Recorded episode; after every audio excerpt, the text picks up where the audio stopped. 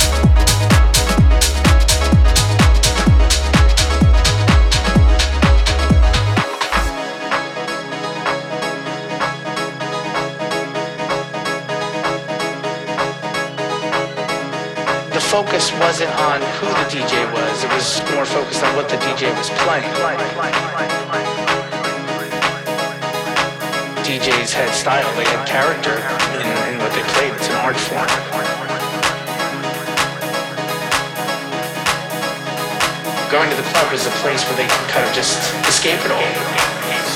You know, lose themselves in an audience that accepted them for who they are. It was really about the music.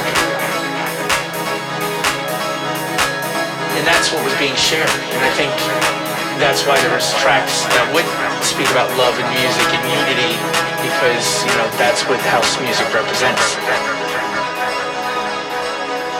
That's the heart of house music. House music.